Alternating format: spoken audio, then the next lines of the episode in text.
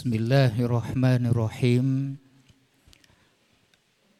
Assalamualaikum warahmatullahi wabarakatuh.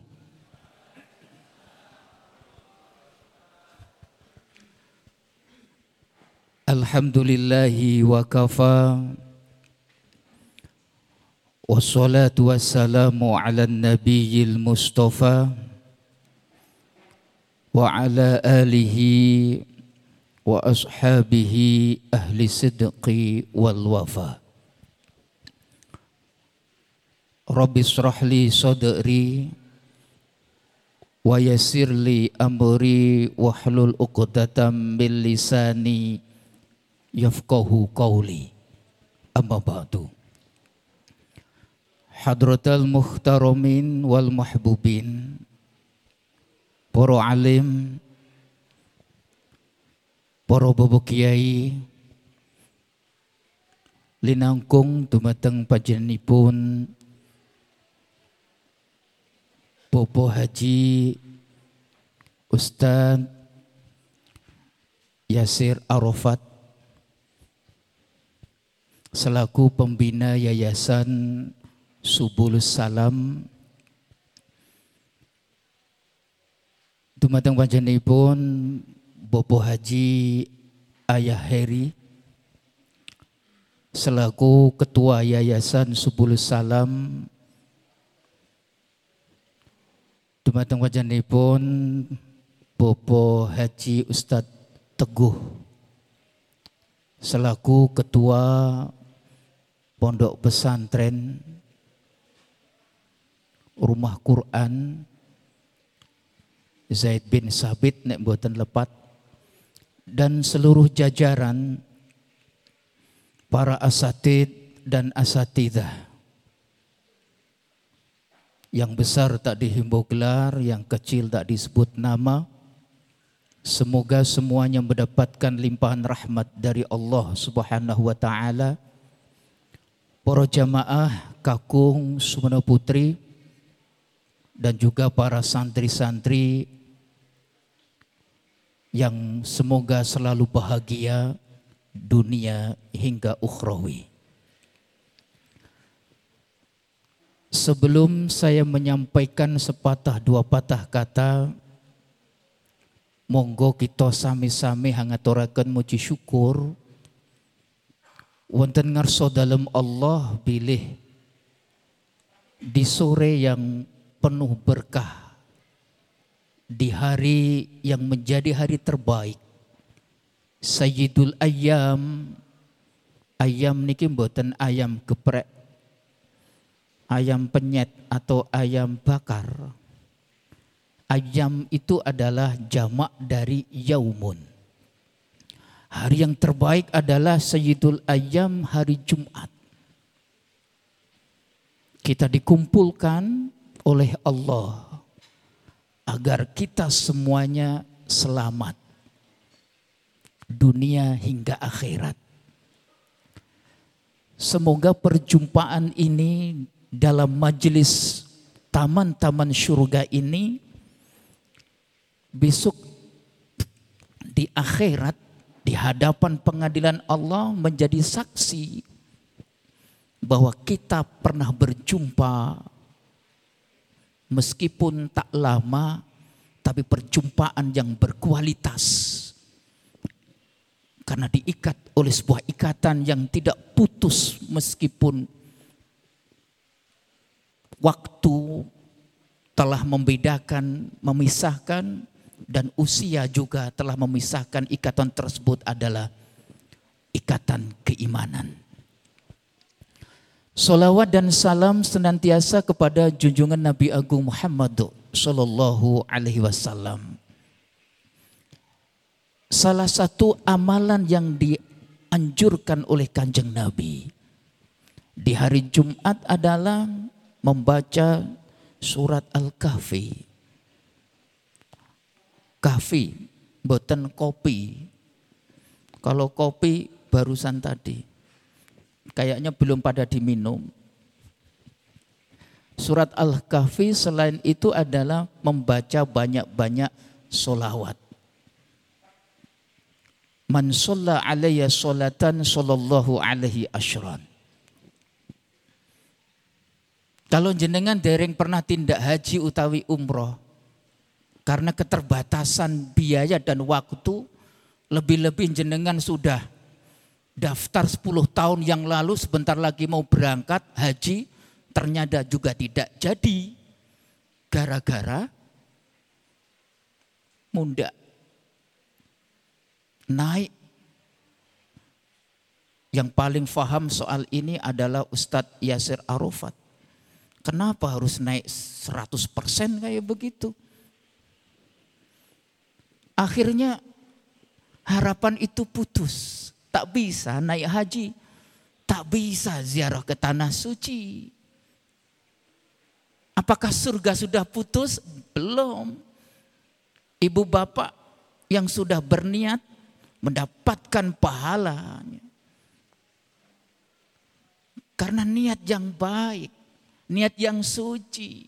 Karena gendala oleh aturan sana sini. Tapi ada satu amalan yang mana bisa menjamin kita itu bisa berjumpa dengan orang yang paling dikasih oleh Allah yaitu kanjeng Nabi Muhammad. Dengan amalan apa? Amalan yang simple, yang mudah, tak butuh biaya, tak butuh tempat, tak butuh toharoh suci, ibu-ibu enggak suci, lagi uzur atau enggak wudhu, bisa melakukannya. Apa itu? Solawat. Allahumma salli ala Sayyidina Muhammad. Boleh. Allahumma salli ala Muhammad boleh. Yang tidak boleh, sing ora solawatan. Itu nggak boleh. Terus gak solawatan, nyalah-nyalah ke solawatan. Tanda cinta kita kepada kanjeng Nabi adalah memperbanyak menyebut namanya dan mendoakannya. Meskipun beliau tidak butuh doa kita, kita yang butuh. Man salatan sallallahu alaihi asyran. Barang siapa yang membaca salat satu kali dikelipat gandakan. Siapa yang melipatkan? Bukan Nabi, seharusnya Nabi yang kita ucapkan itu. Tapi Allah. Kalau Allah yang mendap, men, membalas, maka keberkahan itu yang ada. Maka satu kunci agar hidup kita penuh berkah, sebut nama orang yang memiliki sumber keberkahan. Siapakah dia? Dia adalah Muhammad bin Abdullah. Kita sama-sama salawatan dulu, J. Nah ini, santri-santri biar seneng. Kayaknya tadi kok bisik-bisik kapan salawatan ini. Dulu saya pertama kali di sini itu pas hujan deras.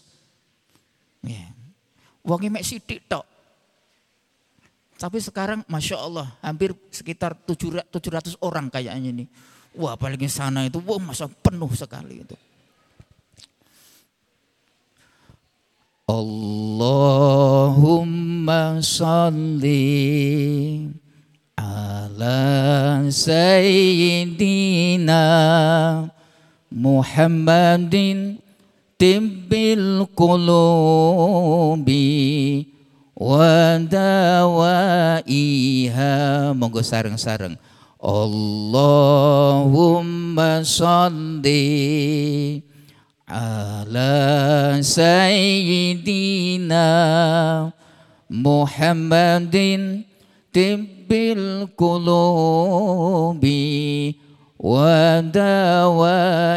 ودوائها وعافية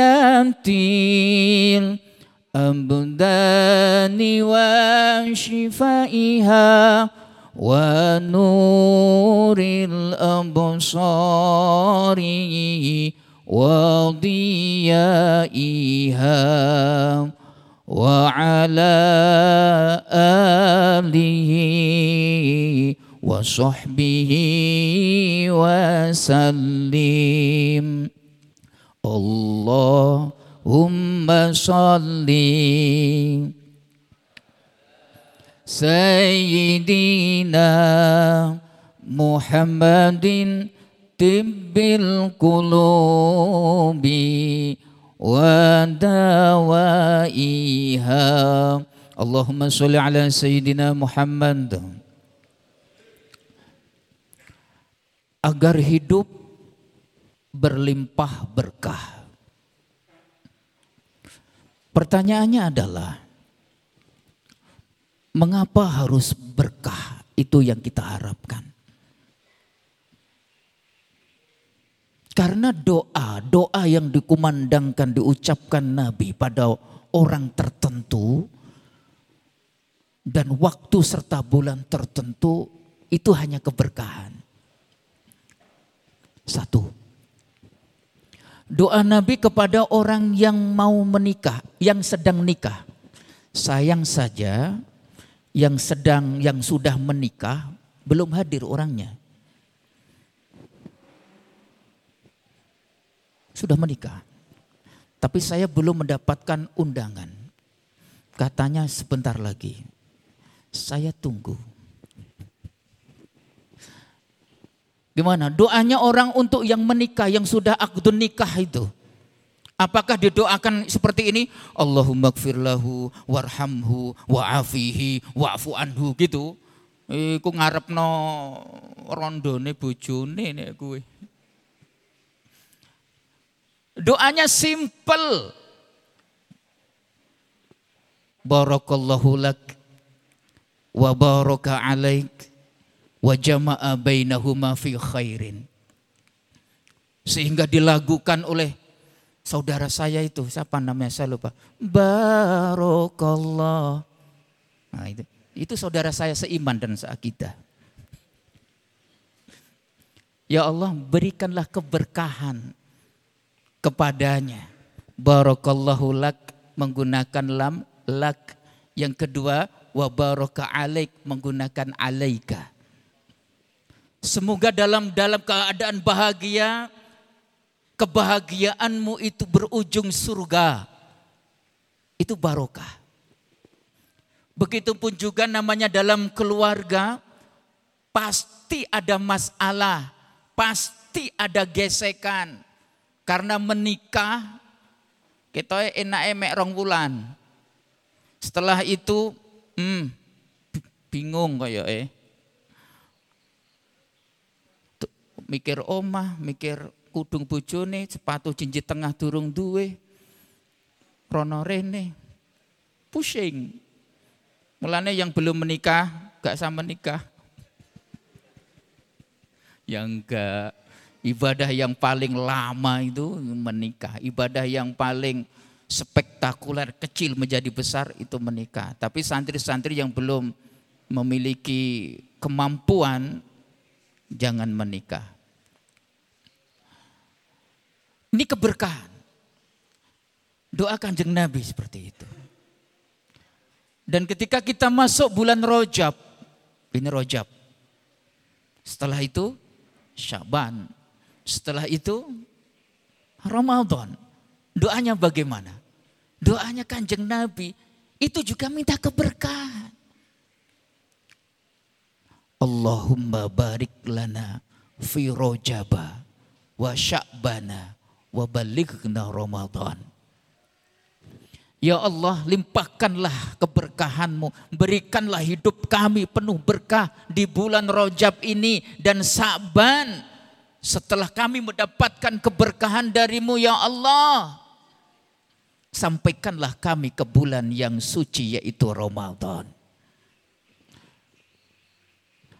Ada makna-makna yang bisa kita petik dari doa-doa ini. Juga sebuah pertanyaan, mengapa harus berkah di dalam rojab ini? Mengapa kita enggak meminta Allahumma inna nas'aluka ilman nafi'an wa rizqan halalan thayyiban wa amalan mutaqabbalan wa lisanan zakiran wa qalban khashian. Tapi mengapa kanjeng Nabi menyuruh kita untuk kita berdoa supaya di bulan Rojab dan Syaban khususnya hidup kita penuh berkah. Al-barakatu lughatan secara language bahasa istilah secara bahasa barokah enumu waziyadah tumbuh meningkat. Selalu tumbuh dan meningkat. Meningkat apanya? Fil khairi dalam kebaikan jadi kalau hidup dalam keberkahan itu semuanya menuju pada peningkatan kebaikan, peningkatan keimanan, peningkatan kemanfaatan. Karena barometer kebaikan seseorang muslim atau muslimah adalah ketika hari ini itu harus lebih baik daripada kemarin. Kalau hari ini sama dengan yang kemarin, podo, ikut rugi. Padahal fitrah manusia siapa pun, bahkan Allah menyebutkan seluruh manusia pasti tidak ingin rugi. Pasti tidak ingin rugi. Hingga diabadikan di dalam Al-Quran. Wal asri. Demi masa. Innal insana lafi khusrin. Sesungguhnya manusia itu dalam kerugian. Sudah pasti dalam rugi. Artinya tidak mau rugi. Lalu bagaimana caranya agar kita tidak rugi? Allah memberikan kunci. Kecuali siapa yang tidak rugi? Panjenengan. Ilalladzina amanu. Wa amilus solihati. Dua hal dulu ini aja dulu. Yang kita jaga agar selalu meningkat bersamaan dengan meningkatnya umur kita. Hari yang telah berlalu tidak akan pernah kita jumpai. Jangankan hari, satu detik yang berlalu tak akan kita jumpai. Kecuali di saat nanti sudah tidak ada berharga amal perbuatan. Yang ada adalah pertanggungjawaban amal perbuatan itu.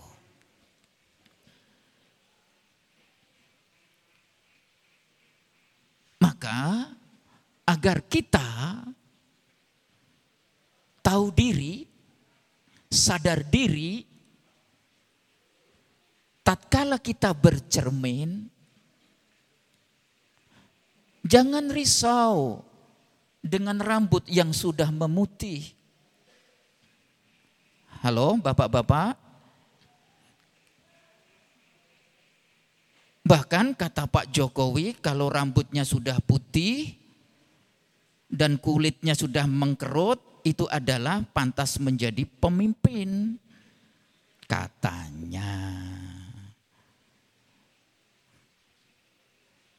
Dan ibu-ibu kayaknya nggak kelihatan ya yang putihnya ya. Karena ditutupi. Ketika kita sudah memang beruban dan tidak ada satu manusia pun yang mampu untuk mengembalikan rambutnya kembali hitam kecuali disemir loh. Makanya dalam Islam tidak boleh disemir hitam. Agar sadar diri, aku wis tua. 2022 sudah hilang. Tinggal 23 sekarang ini bersamaan dengan waktu yang berlalu, waktu bertambah, tahun bertambah, usia kita enggak bertambah, berkurang. Kalau kita nih ibu-ibu, bapak-bapak, kita kan sudah menetapi puncak dalam kehidupan secara pertumbuhan jasad kita. Itu saatnya kita menurun, itu pasti. Kalau anak-anak kita kan lagi menuju ke puncak nih. Tapi kita tidak menurun. Dalam penurunan jasad kita, kekuatan kita, Jangan sampai menurunkan keimanan dan keyakinan kita. Lalu bagaimana caranya? Dekatkan diri kepada Allah. Selalulah untuk mengevaluasi diri. Kata Umar bin Khattab, hasibu anfusakum qabla an tuhasabu. Wa zayyanu bil a'malis salihah qabla yaumil mi'ad Maka hitung-hitunglah dirimu. Introspeksilah dirimu. Bermuhasabalah sebelum kita. Itu dihitung-hitung amalan kita. Ya Allah, rambutku wis putih, malah buru-buru marak nggone tukang cukur. Tolong ya disemir ya. Sing ibu-ibu mboten jenengan-jenengan lho, sing kono-kono. Iya, udah putih. Gimana ini? Akhirnya ngundang anak sepeda, "Nduk, cabutin nduk wanku nduk." Cabut kabeh sing cilik. Watatatata. Ojo sing ireng ah. Ini peringatan Allah. Rambut putih peringatan Allah. Awalam nu'ammirkum ma yatazakkaru fihi man tazakkara wa ja'akumun nazir. Kata Allah. Aku beri engkau umur sekian-sekian ma yatazakkaru fihi man tazakkara agar engkau itu ber, mengingat teringat karena banyak orang yang ingatan lupa ingatan bahkan hilang ingatan wis tuwa anak yo akeh ndek putu nisan. Wayahe ngibadah. Sabtu sore ya Allah nyilah kau nyilah sepatune anake. Kause anake dinggo pating mecotot. Terus senam. Terus lagune ya kuwi mangku purel kuwi lho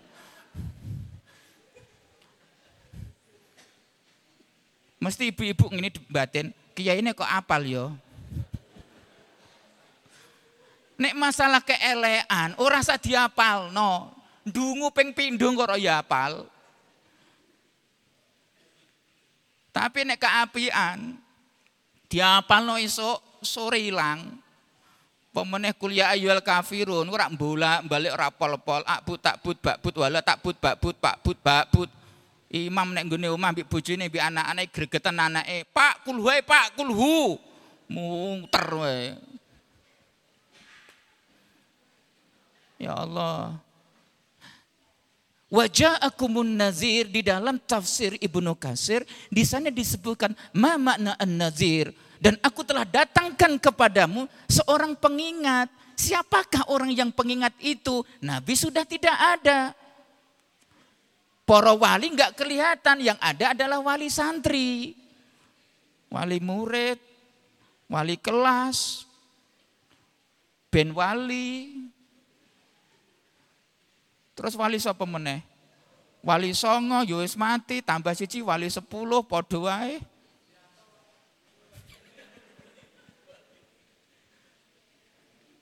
Maka Allah memberikan satu peringatan di dalam kitab tafsir Ibnu Katsir An-Nazir yang disebut nazir adalah wan rambut putih. Wes to. Sekti kaya apa sing duwe kesaktian dulu duwe ilmu lembu sekilan dijotos kurang sekilan apa ketabrak motor kurang sekilan akhirnya kan rezeki ini kurang sekilan terus coba suruh mengembalikan rambut putih itu. Biasanya kan separuh ireng, separuh putih. Coba kembalikan sampai kiamat tidak akan mampu. Wes suge kaya apa meskipun sapa paranormal Ki Joko Budo lho. Kon kembali ke alam kan sudah mati kan beliau. Enggak bisa. Itu satu. Ya Allah, alhamdulillah, ya Allah. Ojo kok, ih udah tua. Ya wis tuwek sapa sing Yang kedua, dengan adanya rambut putih, Allah memberikan peringatan, so awak muki dibungkus nganggo kain rupane teng temanggung ana sing wasiat engko nek aku mati bungkus ya kanggo batik temanggung ya. Ana sing ngoten niku. Ora ana. Kain putih itu pun tidak ada sakunya. Pernah ada orang menjahitkan kain mori, engko aku nganggo sak ya sing bawah dua, yang atas satu. Biasanya wong muazin muazzat kan ke amplop. Engko ya pelokno kubur ya, tak nggo tuku cilok nek kono. Ya enggak bisa. Rambut putih juga memberikan peringatan kepada kita. Al yauma la yanfa'u malun bala banun illa man atallaha biqalbin salim. Pada suatu hari nanti tidak ada manfaatnya anak jenengan. Sing jenengan harapkan. Harta jenengan yang dengan padosi sekian lama. Kecuali orang yang hadir di hadapan Allah. Biqalbin salim. Dengan hati yang suci. Hati yang suci, kata suci disimbolisasikan dengan warna putih. Seputih uban kita. Niku kok ora tondo sing pantas dadi Bapak Ibu ingantipun rahmati Allah. Kembali ke dalam masalah barokah tadi itu. Ya. Imam Sya'rawi tenggene tafsiripun tafsir Asy-Sya'rawi. Imam Sya'rawi niki adalah seorang ulama Sangking Mesir. Pengajian-pengajian ini pun bisa jenengan persani di Youtube. Tulis mawon. Syekh Imam Sya'rawi. Sakit. Sai banget. Tapi bahasa Arab. Nah nanti santri-santri kan yang menerjemahkan toh. Kiambai pun bilang begini. Al barokatuh hiya jundun khafiyun min junudillah. Barokah itu adalah salah satu tentara rahasianya Allah dari beberapa tentara-tentaranya Allah. Itu barokah. Agen rahasia lah nek boso cah ikilah. Namanya rahasia itu pasti penting banget. Iku enggak gemen-gemen. Bagian kok rahasia kok. Jundun khafiyun min junudillah. Andaikan kita ingin membentuk sebuah tentara yang rahasia, oh membutuhkan miliaran uang. Tapi kita bisa memiliki agen rahasia itu. Yaitu berupa keberkahan. Nanti caranya insya Allah saya akan terangkan. Tidak membutuhkan tempat mewah, tidak membutuhkan kedudukan, titel yang tinggi, tidak. Tidak. Kalau keberkahan itu pada anak kita, ada pada anak kita.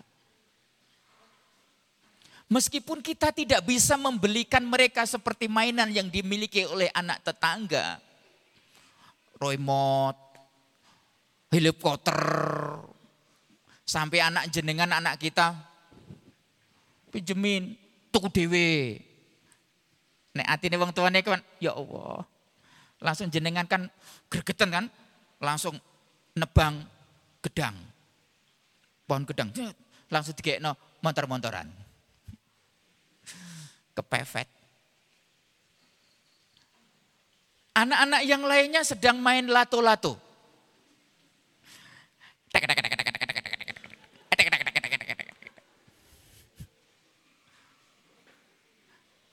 Wong anak jenengan 6, anak saya 5 bu pak, baru 5. Awan kok, cilik kok 5, eh piye lah. Cabai rawit men. Mungkin tak kok, limo, memang piro? Rolas. Saya sudah sepakat dengan istri. Istri yang kedua. Guyon, guyon, ini guyon bu, guyon. Saya itu setia. Enggak mungkin mendua. Nek gak bojoku. Saya pengen seperti Ustadz Yasir Arafat. Selamanya bersama dalam surga. Mbah ambik sapa? Taib. Ya Allah, kita nggak bisa membelikan lato-lato. Aku ya bingung anakku lompat, Pak. Limo. Ya Allah. Tukokno siji sing cilik. Pinjem nggak boleh nangis. Akhirnya tak tukokno kabeh. Esok-esok tangi turu. Muni kabeh. Pusing saya. Meneng malah terus diget. Aku malah sama bojoku syukur we. Niat hati membahagiakan tapi malah berujung sengsara. Lah pripun? Wetek-wetek sing anak cilik malah diantono Mbak Yune. Wetek-wetek wung wung wung cetak. Waduh mati. Puskesmas. Nah, kita tidak bisa membelikan sesuatu yang begitu wow mainan terhadap anak kita. Tetapi kalau keberkahan ada pada mereka, walaupun kita hanya bisa membuatkan mainan dari kulit jeruk sing jeruk gede nih jeruk apa Pak Namin? Oh iya. Jeruk Bali kuwi lho, kita pengalaman jenengan ya. Oh berarti wong pelarat kabeh gini gini. Digekno motor-motoran. Enggak apa-apa. Kalau keberkahan pada anak itu akan menjadi anak yang soleh dan soleha.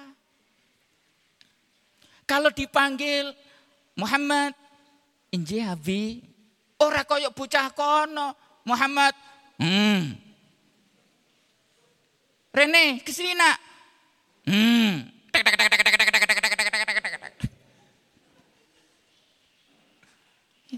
Kalau keberkahan itu ada pada istri, maka istri kita akan menjadi istri yang soleha. Kok gak saya ngamini yo? Telat. Ya, istri soleha itu masya Allah lembut, perhatian. Suaminya baru datang dari kantor, itu kemudian kemudian barang-barangnya dari kantor tadi itu dibantu yaitu berupa apa? Arit, pacul. Tapi kan penuh dengan kehangatan. Masya Allah Abi. Eh, ibu-ibu nek manggil garwane apa? My darling. Oh iya, oh my darling, modar ora ilang.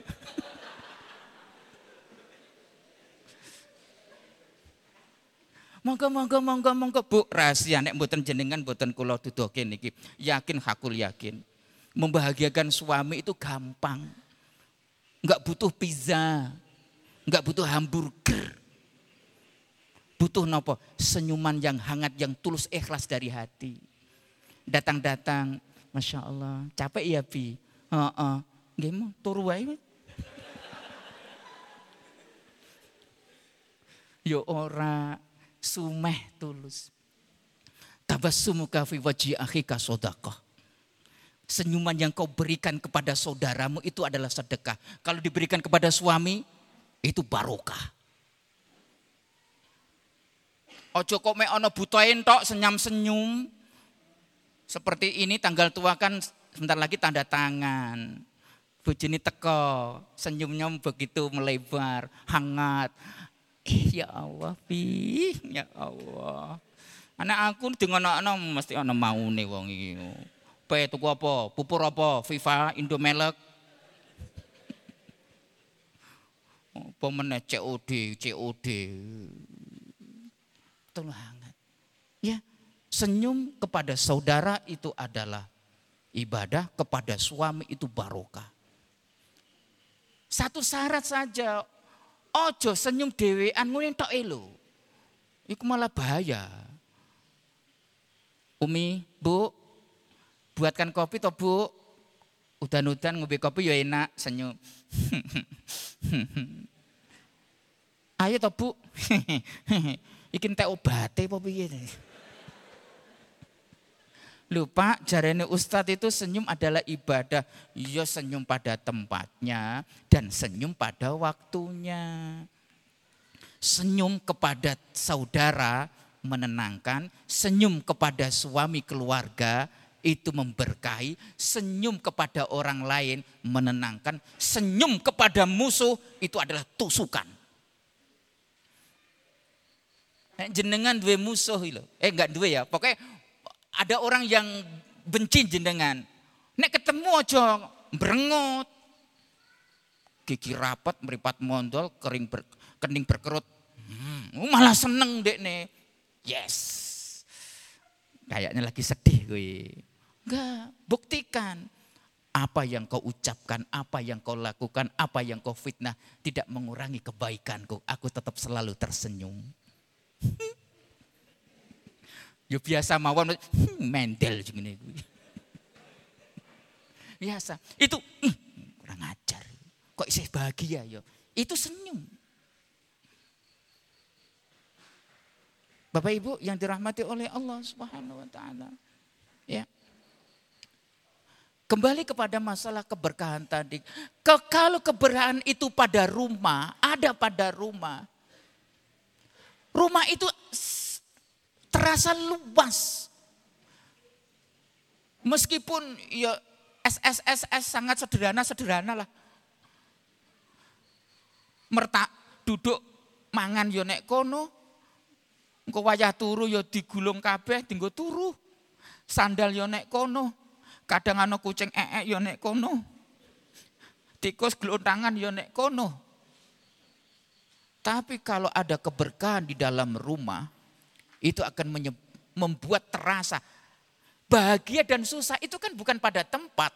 Bahagia dan susah itu kan pada hati. Keberkahan itu pada hati. Berapa banyak mereka yang punya rumah. Rumah megah. Mobil mewah. Tapi karena nggak punya hati yang barokah. Akhirnya istri simpanannya bertambah. Halo? Hai. Bu, Bahagiakah engkau? Jabatannya tinggi, sering masuk TV. Punya pembantu namanya Mbak Susi. Akhirnya diburu-buru. Polisi, polisi mangan, polisi.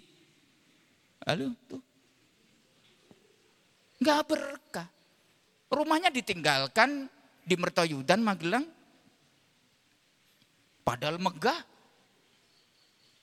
Bocah pondok-pondok nek kene mungkin kan satu kamar dua orang, tiga orang. Kalau di Magelang kan bukan empat orang, dua puluh. Kayak pindang ditoto itu. Tapi do sehat ki. Nek pas mangan, wuh masya Allah. Sak nampan, Iku berkah. Kita yang guyune kok podo ya. Itu berkah meskipun hanya tempe penyet tahu, banter-banternya malam Jumat kok yo ingkung. Ingkung terong. Tapi berkahi gitu loh men. Pertanyaannya sekarang adalah bagaimana cara mendapatkan keberkahan? Karena waktunya sudah selesai dan akan saya jelaskan pada pertemuan yang akan datang. Enggak, simpel saja. Satu, aqua, ngertos nggih, gelas aqua niku nggih. Kalau di sini harganya pinten? Katakanlah 3.500. Siap. Di Temanggung harganya 3.500. Saya tanya, kalau di di terminal pesawat terbang. Jenenge apa tahu terminal pesawat terbang Oh, berubah nama menjadi bandara ya? Oh, tak kira tetap terminal. Di bandara, jenengan waiting list, sedang menunggu karena keterlambatan. Akhirnya beli minuman aqua tersebut. Kira-kira regani piro? Oh, pertanyaan saya salah ya? Takok kok ambil uang saya nggak tahu tuku ngumbenan nek nggone bandara. Enggak, enggak, guyon, guyon. Katakanlah 10 ribu nggih Bapak nggih. Mereknya sama, betul? Bentuknya sama, betul? Ukurannya sama, rasanya sama. Mengapa saat yang di sini murah, yang di sana mahal? Apa sebabnya? Harga tempat yang menyebabkan adalah tempat. Jenengan semuanya sama. Podo uripe, nek wedok ya kaya ngono, nek lanang ya kaya ngono. Nek turu mesti merem, ana wong sing sugih nek turu mripate melolok. Halo? Malah medeni wong. Podo kabeh. Nek mangan mesti mlebu mulut, ono sing mlebu kuping. Podo kabeh. Tapi mengapa yang satu ini mulia, yang satu tidak?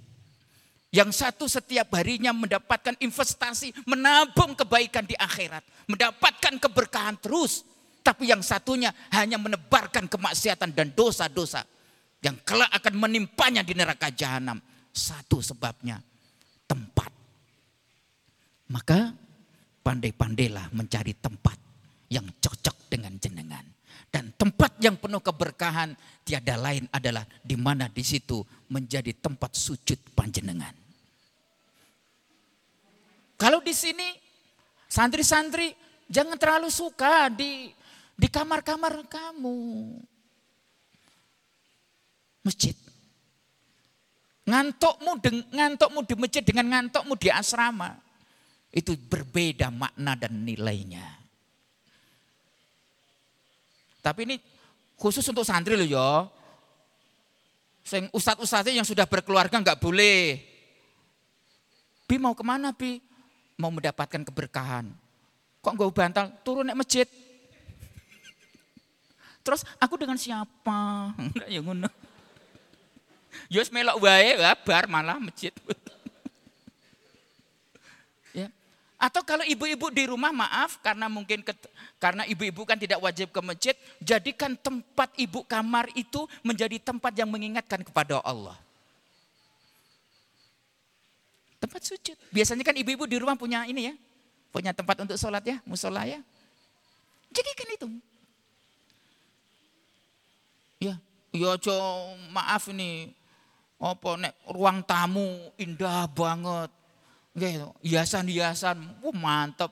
Tapi nek nggon sholat, ya Allah, mau kenani lu mekno telung bulan gak dikumbang, wah, pakai ora pakat-pakat ini. Ya Allah Gusti, Gusti sujud-sujud lho nek nggone sajadah lho. Irung langsung gebres, gebres. Wahang, wahing. Perkara apa? Gatel perkara akeh, debune gak dikumbah-kumbah. Dikebut jeblak langsung semaput pakane ning ngarep iki. Ah Gusti, Gusti.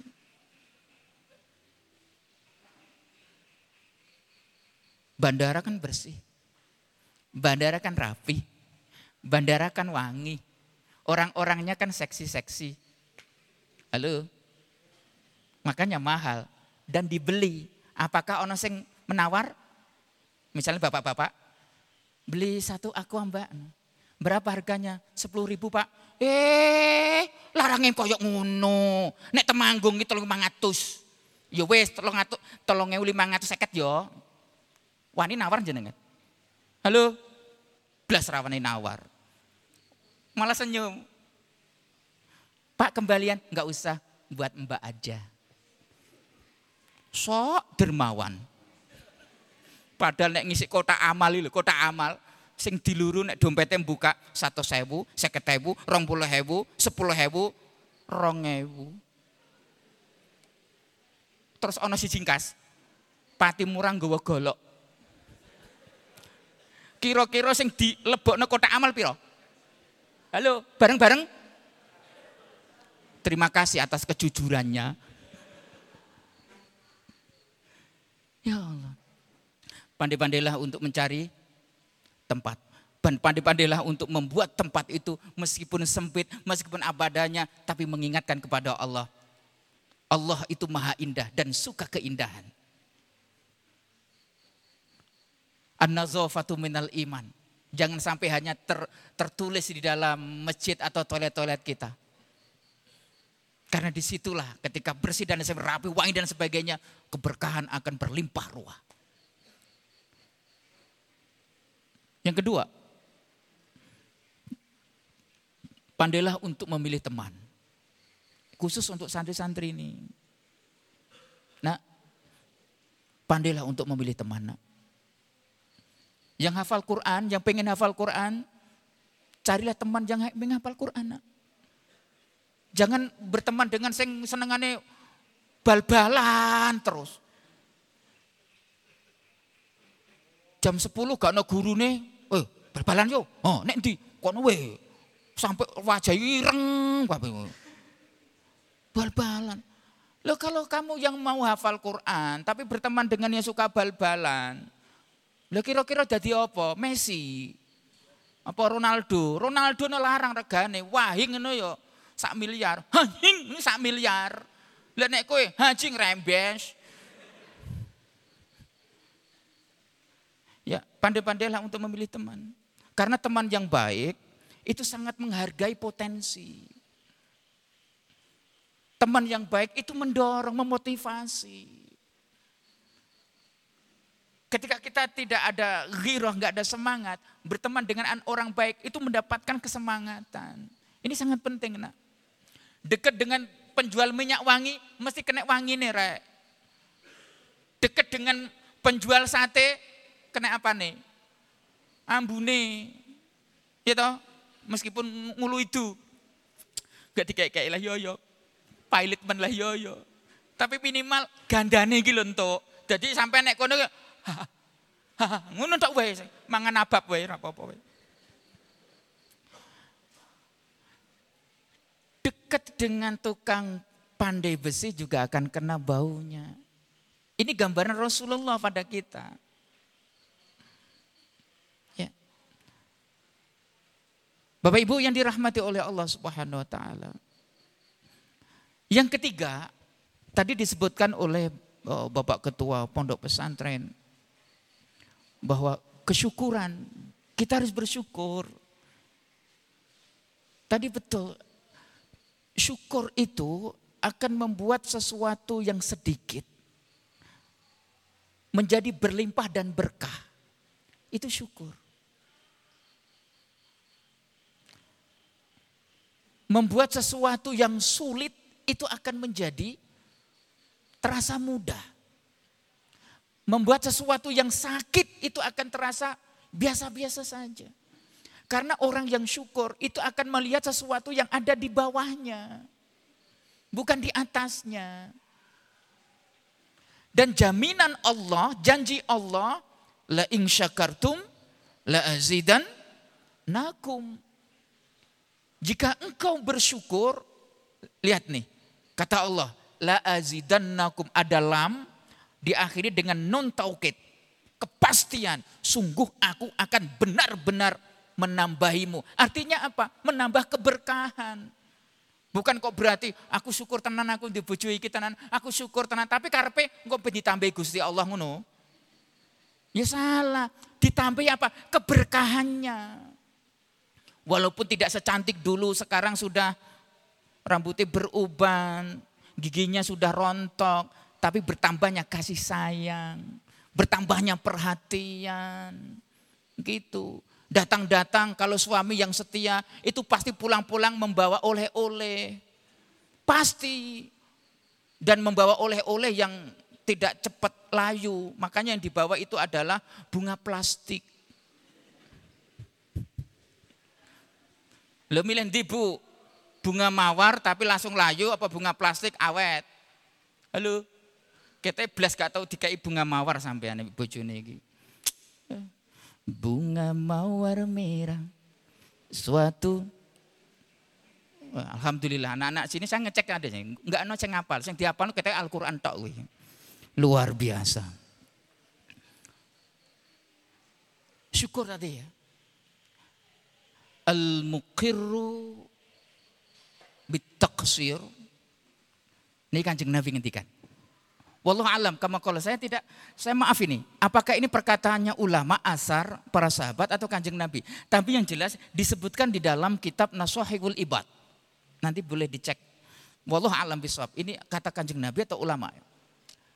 Kurang lebih uh, ungkapannya seperti ini. Al-muqirru bitaksir abadan mahmudun Al-iqraru bitaksiri dalilul kubul. Orang yang menyadari diri atas kekurangannya dalam ibadah, dalam kebaikan, abadan selama-lamanya mahmudun akan terhormat. Saya mencoba untuk menangkap mengapa Mu'alif di dalam kitab ini memilih kata-kata mahmudun. Bukan tojibun, bukan hasanun. ternyata merujuk kepada firman Allah. Asa ayyab'asakallahu maqamam mahmuda. Ayat ini. Alaikum biqiyamil laili. Kau harus selalu menjaga untuk sholat tahajud. Kata kajeng Nabi, alaikum biqiyamil laili fa innahu da'abus salihina qablakum. Karena sholat malam itu adalah kebiasaan orang-orang soleh. Orang-orang soleh Bu, Bapak, untuk saya pribadi, kita semuanya ingin ingin anak kita menjadi anak soleh soleha.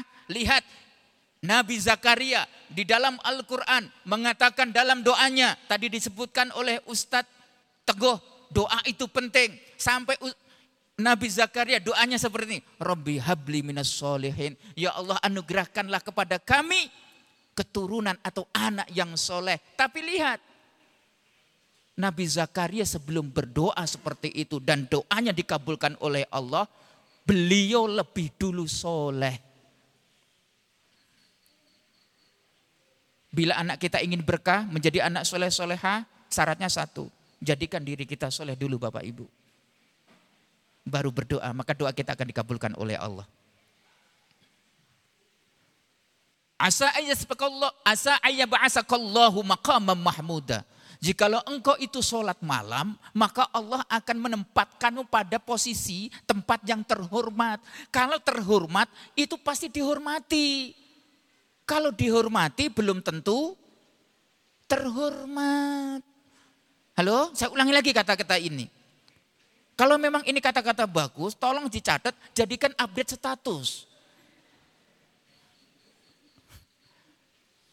Allah akan menempatkan kita pada posisi tempat yang terhormat, bukan dihormati. Karena kalau terhormat itu pasti dihormati, kalau dihormati belum tentu terhormat. Berapa banyak orang-orang di negeri antah berantah sana yang dihormati, siap gerak, ingge tapi nggak pernah terhormat dirinya.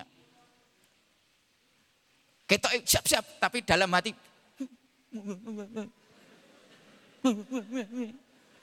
di depan jenje di belakang banyak. Maka mahmuda. Jadi, Bapak Ibu yang dirahmati oleh Allah, syukur itu akan menghadirkan sebuah kesadaran. Tapi kesadaran yang aktif, bukan kesadaran yang pasif. Kadang-kadang kan kesadaran pasif begini, ya wis lah wong memang aku ya kaya ngene gak iso apa-apa ya wis diem aja ya iki takdirku kok aku melarat ya melarat. Ya wis ngene. Terus anak-anak biasanya mas piye to? Ya ya. Belajar ya sudah. Dibimbing yang sudah. Minta apa ya? Kok nilaimu seperti ini terus mas? Jawabannya anak bu Takdir bu, takdir, ku terima takdirku dengan lapang dada. Terus piye jalan nemeni bocah kaya ngene iki? Nah aku no dadi guru nak satak lah. Pak ngoten niku. Kok iso? Wasbir ala ma asobak inna zalika min azmil umur. Ustaz sakit Ustaz kok malah dipukul. Bersabarlah. Karena kesabaran itu adalah sesuatu yang mulia. Ya. Kesadaran yang aktif, ikhtiar. Baik dengan usaha, dengan doa. Setelah itu faida azamta fatawakkal Allah wa may yatawakkal Allah fahuwa hasbuh. Jika engkau memiliki tekad, sudah berikhtiar, pasrahkan kepada Allah dengan doa. Barang siapa yang bertawakal kepada Allah, Allah akan ikut serta dalam masalah ibu bapak. Allah yang akan menjamin. Kalau Allah itu yang menjamin, pasti benar adanya, pasti tepat waktunya. Syaratnya mudah. Tidak usah jabatan tinggi, tidak usah pinter dan lain sebagainya. Itulah mendapatkan keberkahan. Cukup tadi tadi saya katakan, mau coba solawatnya semono. Allahumma sholli ala Muhammad, Allahumma sholli ala Muhammad. Ibu butuh tempat baca itu? Enggak, Butuh suci toharo? Enggak. Mau apakah tidak gitu loh. Pas ngulek gitu, ngulek bram, ngulek sambel. Allahumma sholli Muhammad. Allahumma sholli. Berambangnya atas tenan ki. Allahumma sholli Muhammad. Mencolot nek gini beliau. Bujuni sampean teko. Bu, kopi bu. Allahumma sholli Muhammad. Allahumma sholli Muhammad. Kopi ini bu. Sholli Muhammad. Sholli Muhammad. Muhammad. Muhammad. Selamat jenengan. Kuduk kuduk dapur dewe. Gak ada kopi penggeremeng. Wong wedok goro-goro ngaji ambek Pak Muhtadi kaya ngene Tapi kan minimal jenengan selamat rangkek kopi. Bojone sampean gremang-gremeng perkara apa? Uyah didarani gak gula. Wong lanang gak iso bedakno. Kopi kok asin kaya ngene. Ya kopi modern kok ya. Bapak Ibu yang dirahmati oleh Allah niku nggih cari tempat yang tepat, cari teman yang mendukung, syukur atas apa yang ada, dan yang keempat, sabar atas apa yang menimpa, dan sabar atas kebaikan yang panjenengan lakukan. Kalau sabar atas musibah itu biasa, kancane akeh. Halo, kita wajah-wajah sampai ini kan masih di masalah kabeh kita nih kan. Sabar dalam masalah itu biasa. Akeh kancane. Sabar ya yo, yo tak sabar-sabar no meneh wong kahanane koyok ngene. Kuat. Tapi nek sabar dalam melakukan kebaikan iku jarang ono kancane. Ibu tahajud terus. Sing ngancani sapa? Blas ra ono. Lho bojone sing lanang ngancani apane? Ngoroke.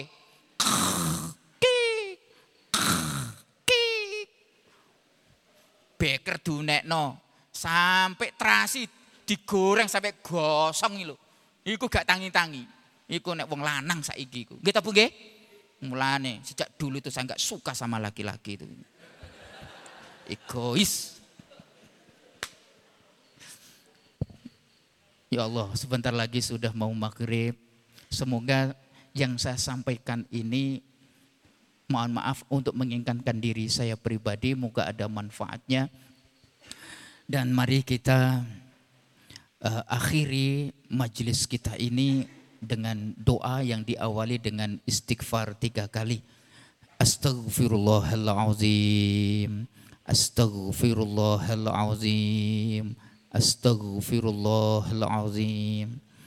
Innal hamdalillah. Hamdan naimin, hamdan syakirin. Hamdan yafi ni'amah wa yukafi'u mazidah. Kama yanbaghi li jalali wajhika wa 'azimi sultanik. Allahumma salli wa sallim ala sayyidina Muhammad wa ala ali sayyidina Muhammad.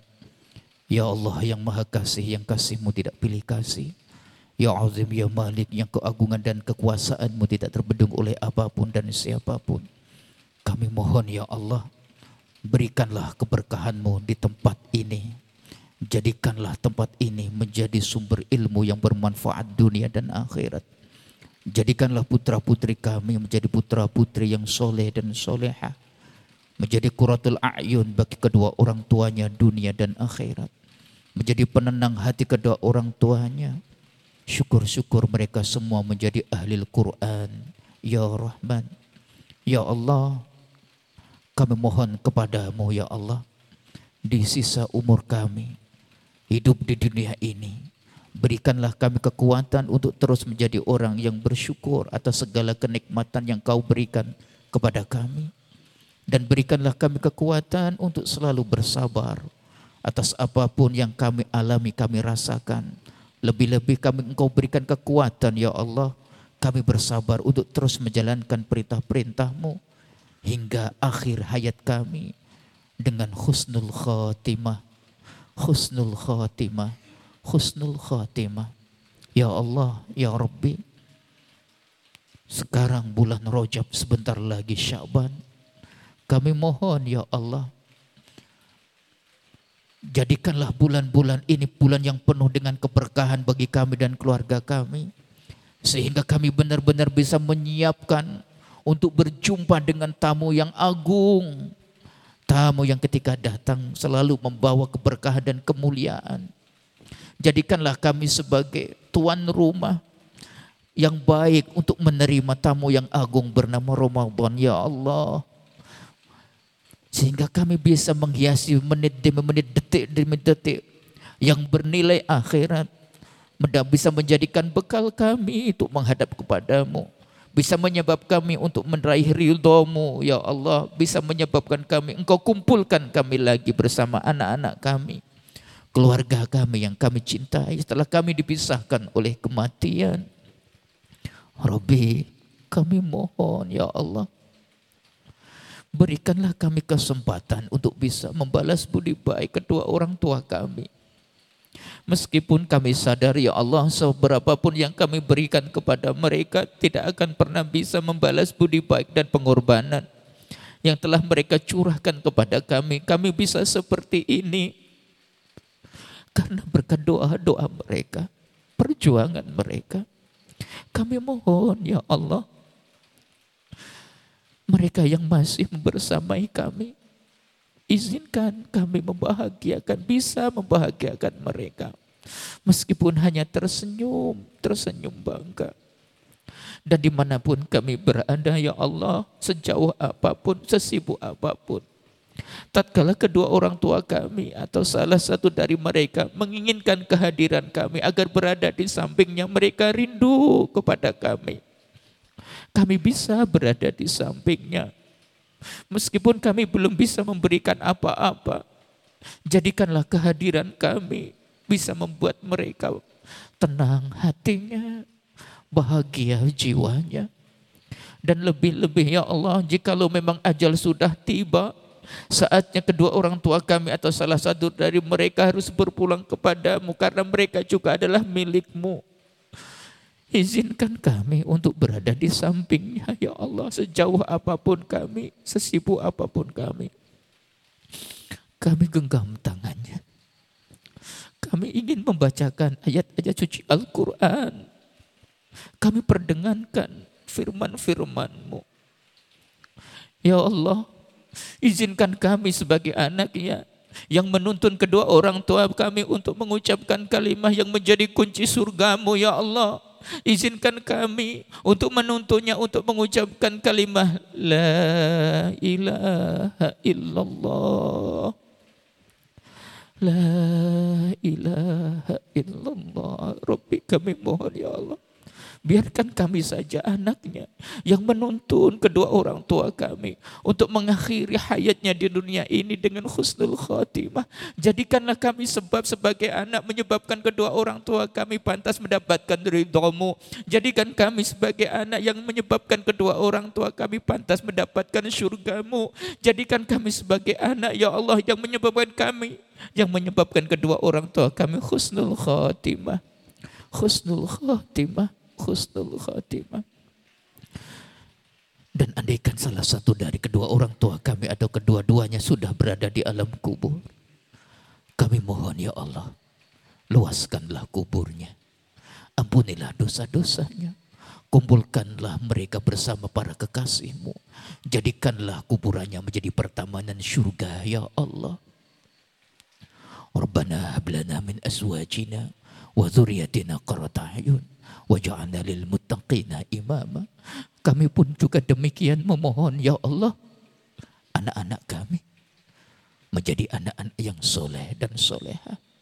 Kelak mereka yang akan menuntun kami untuk mengucapkan kalimat La ilaha illallah. Rabbana atina fid dunya hasanah wa fil akhirati hasanah wa qina azabannar. Subhana rabbika rabbil izzati amma yasifun wa salamun alal mursalin walhamdulillahi rabbil alamin. Al-Fatihah. أعوذ بالله من الشيطان الرجيم. بسم الله الرحمن الرحيم. الحمد لله رب العالمين. الرحمن الرحيم. مالك يوم الدين. إياك نعبد وإياك نستعين. اهدنا الصراط المستقيم. صراط الذين أنعمت عليهم غير المغضوب عليهم ولا الضالين. آمين. العفو منكم. هدانا الله وإياكم. السلام عليكم ورحمة الله وبركاته.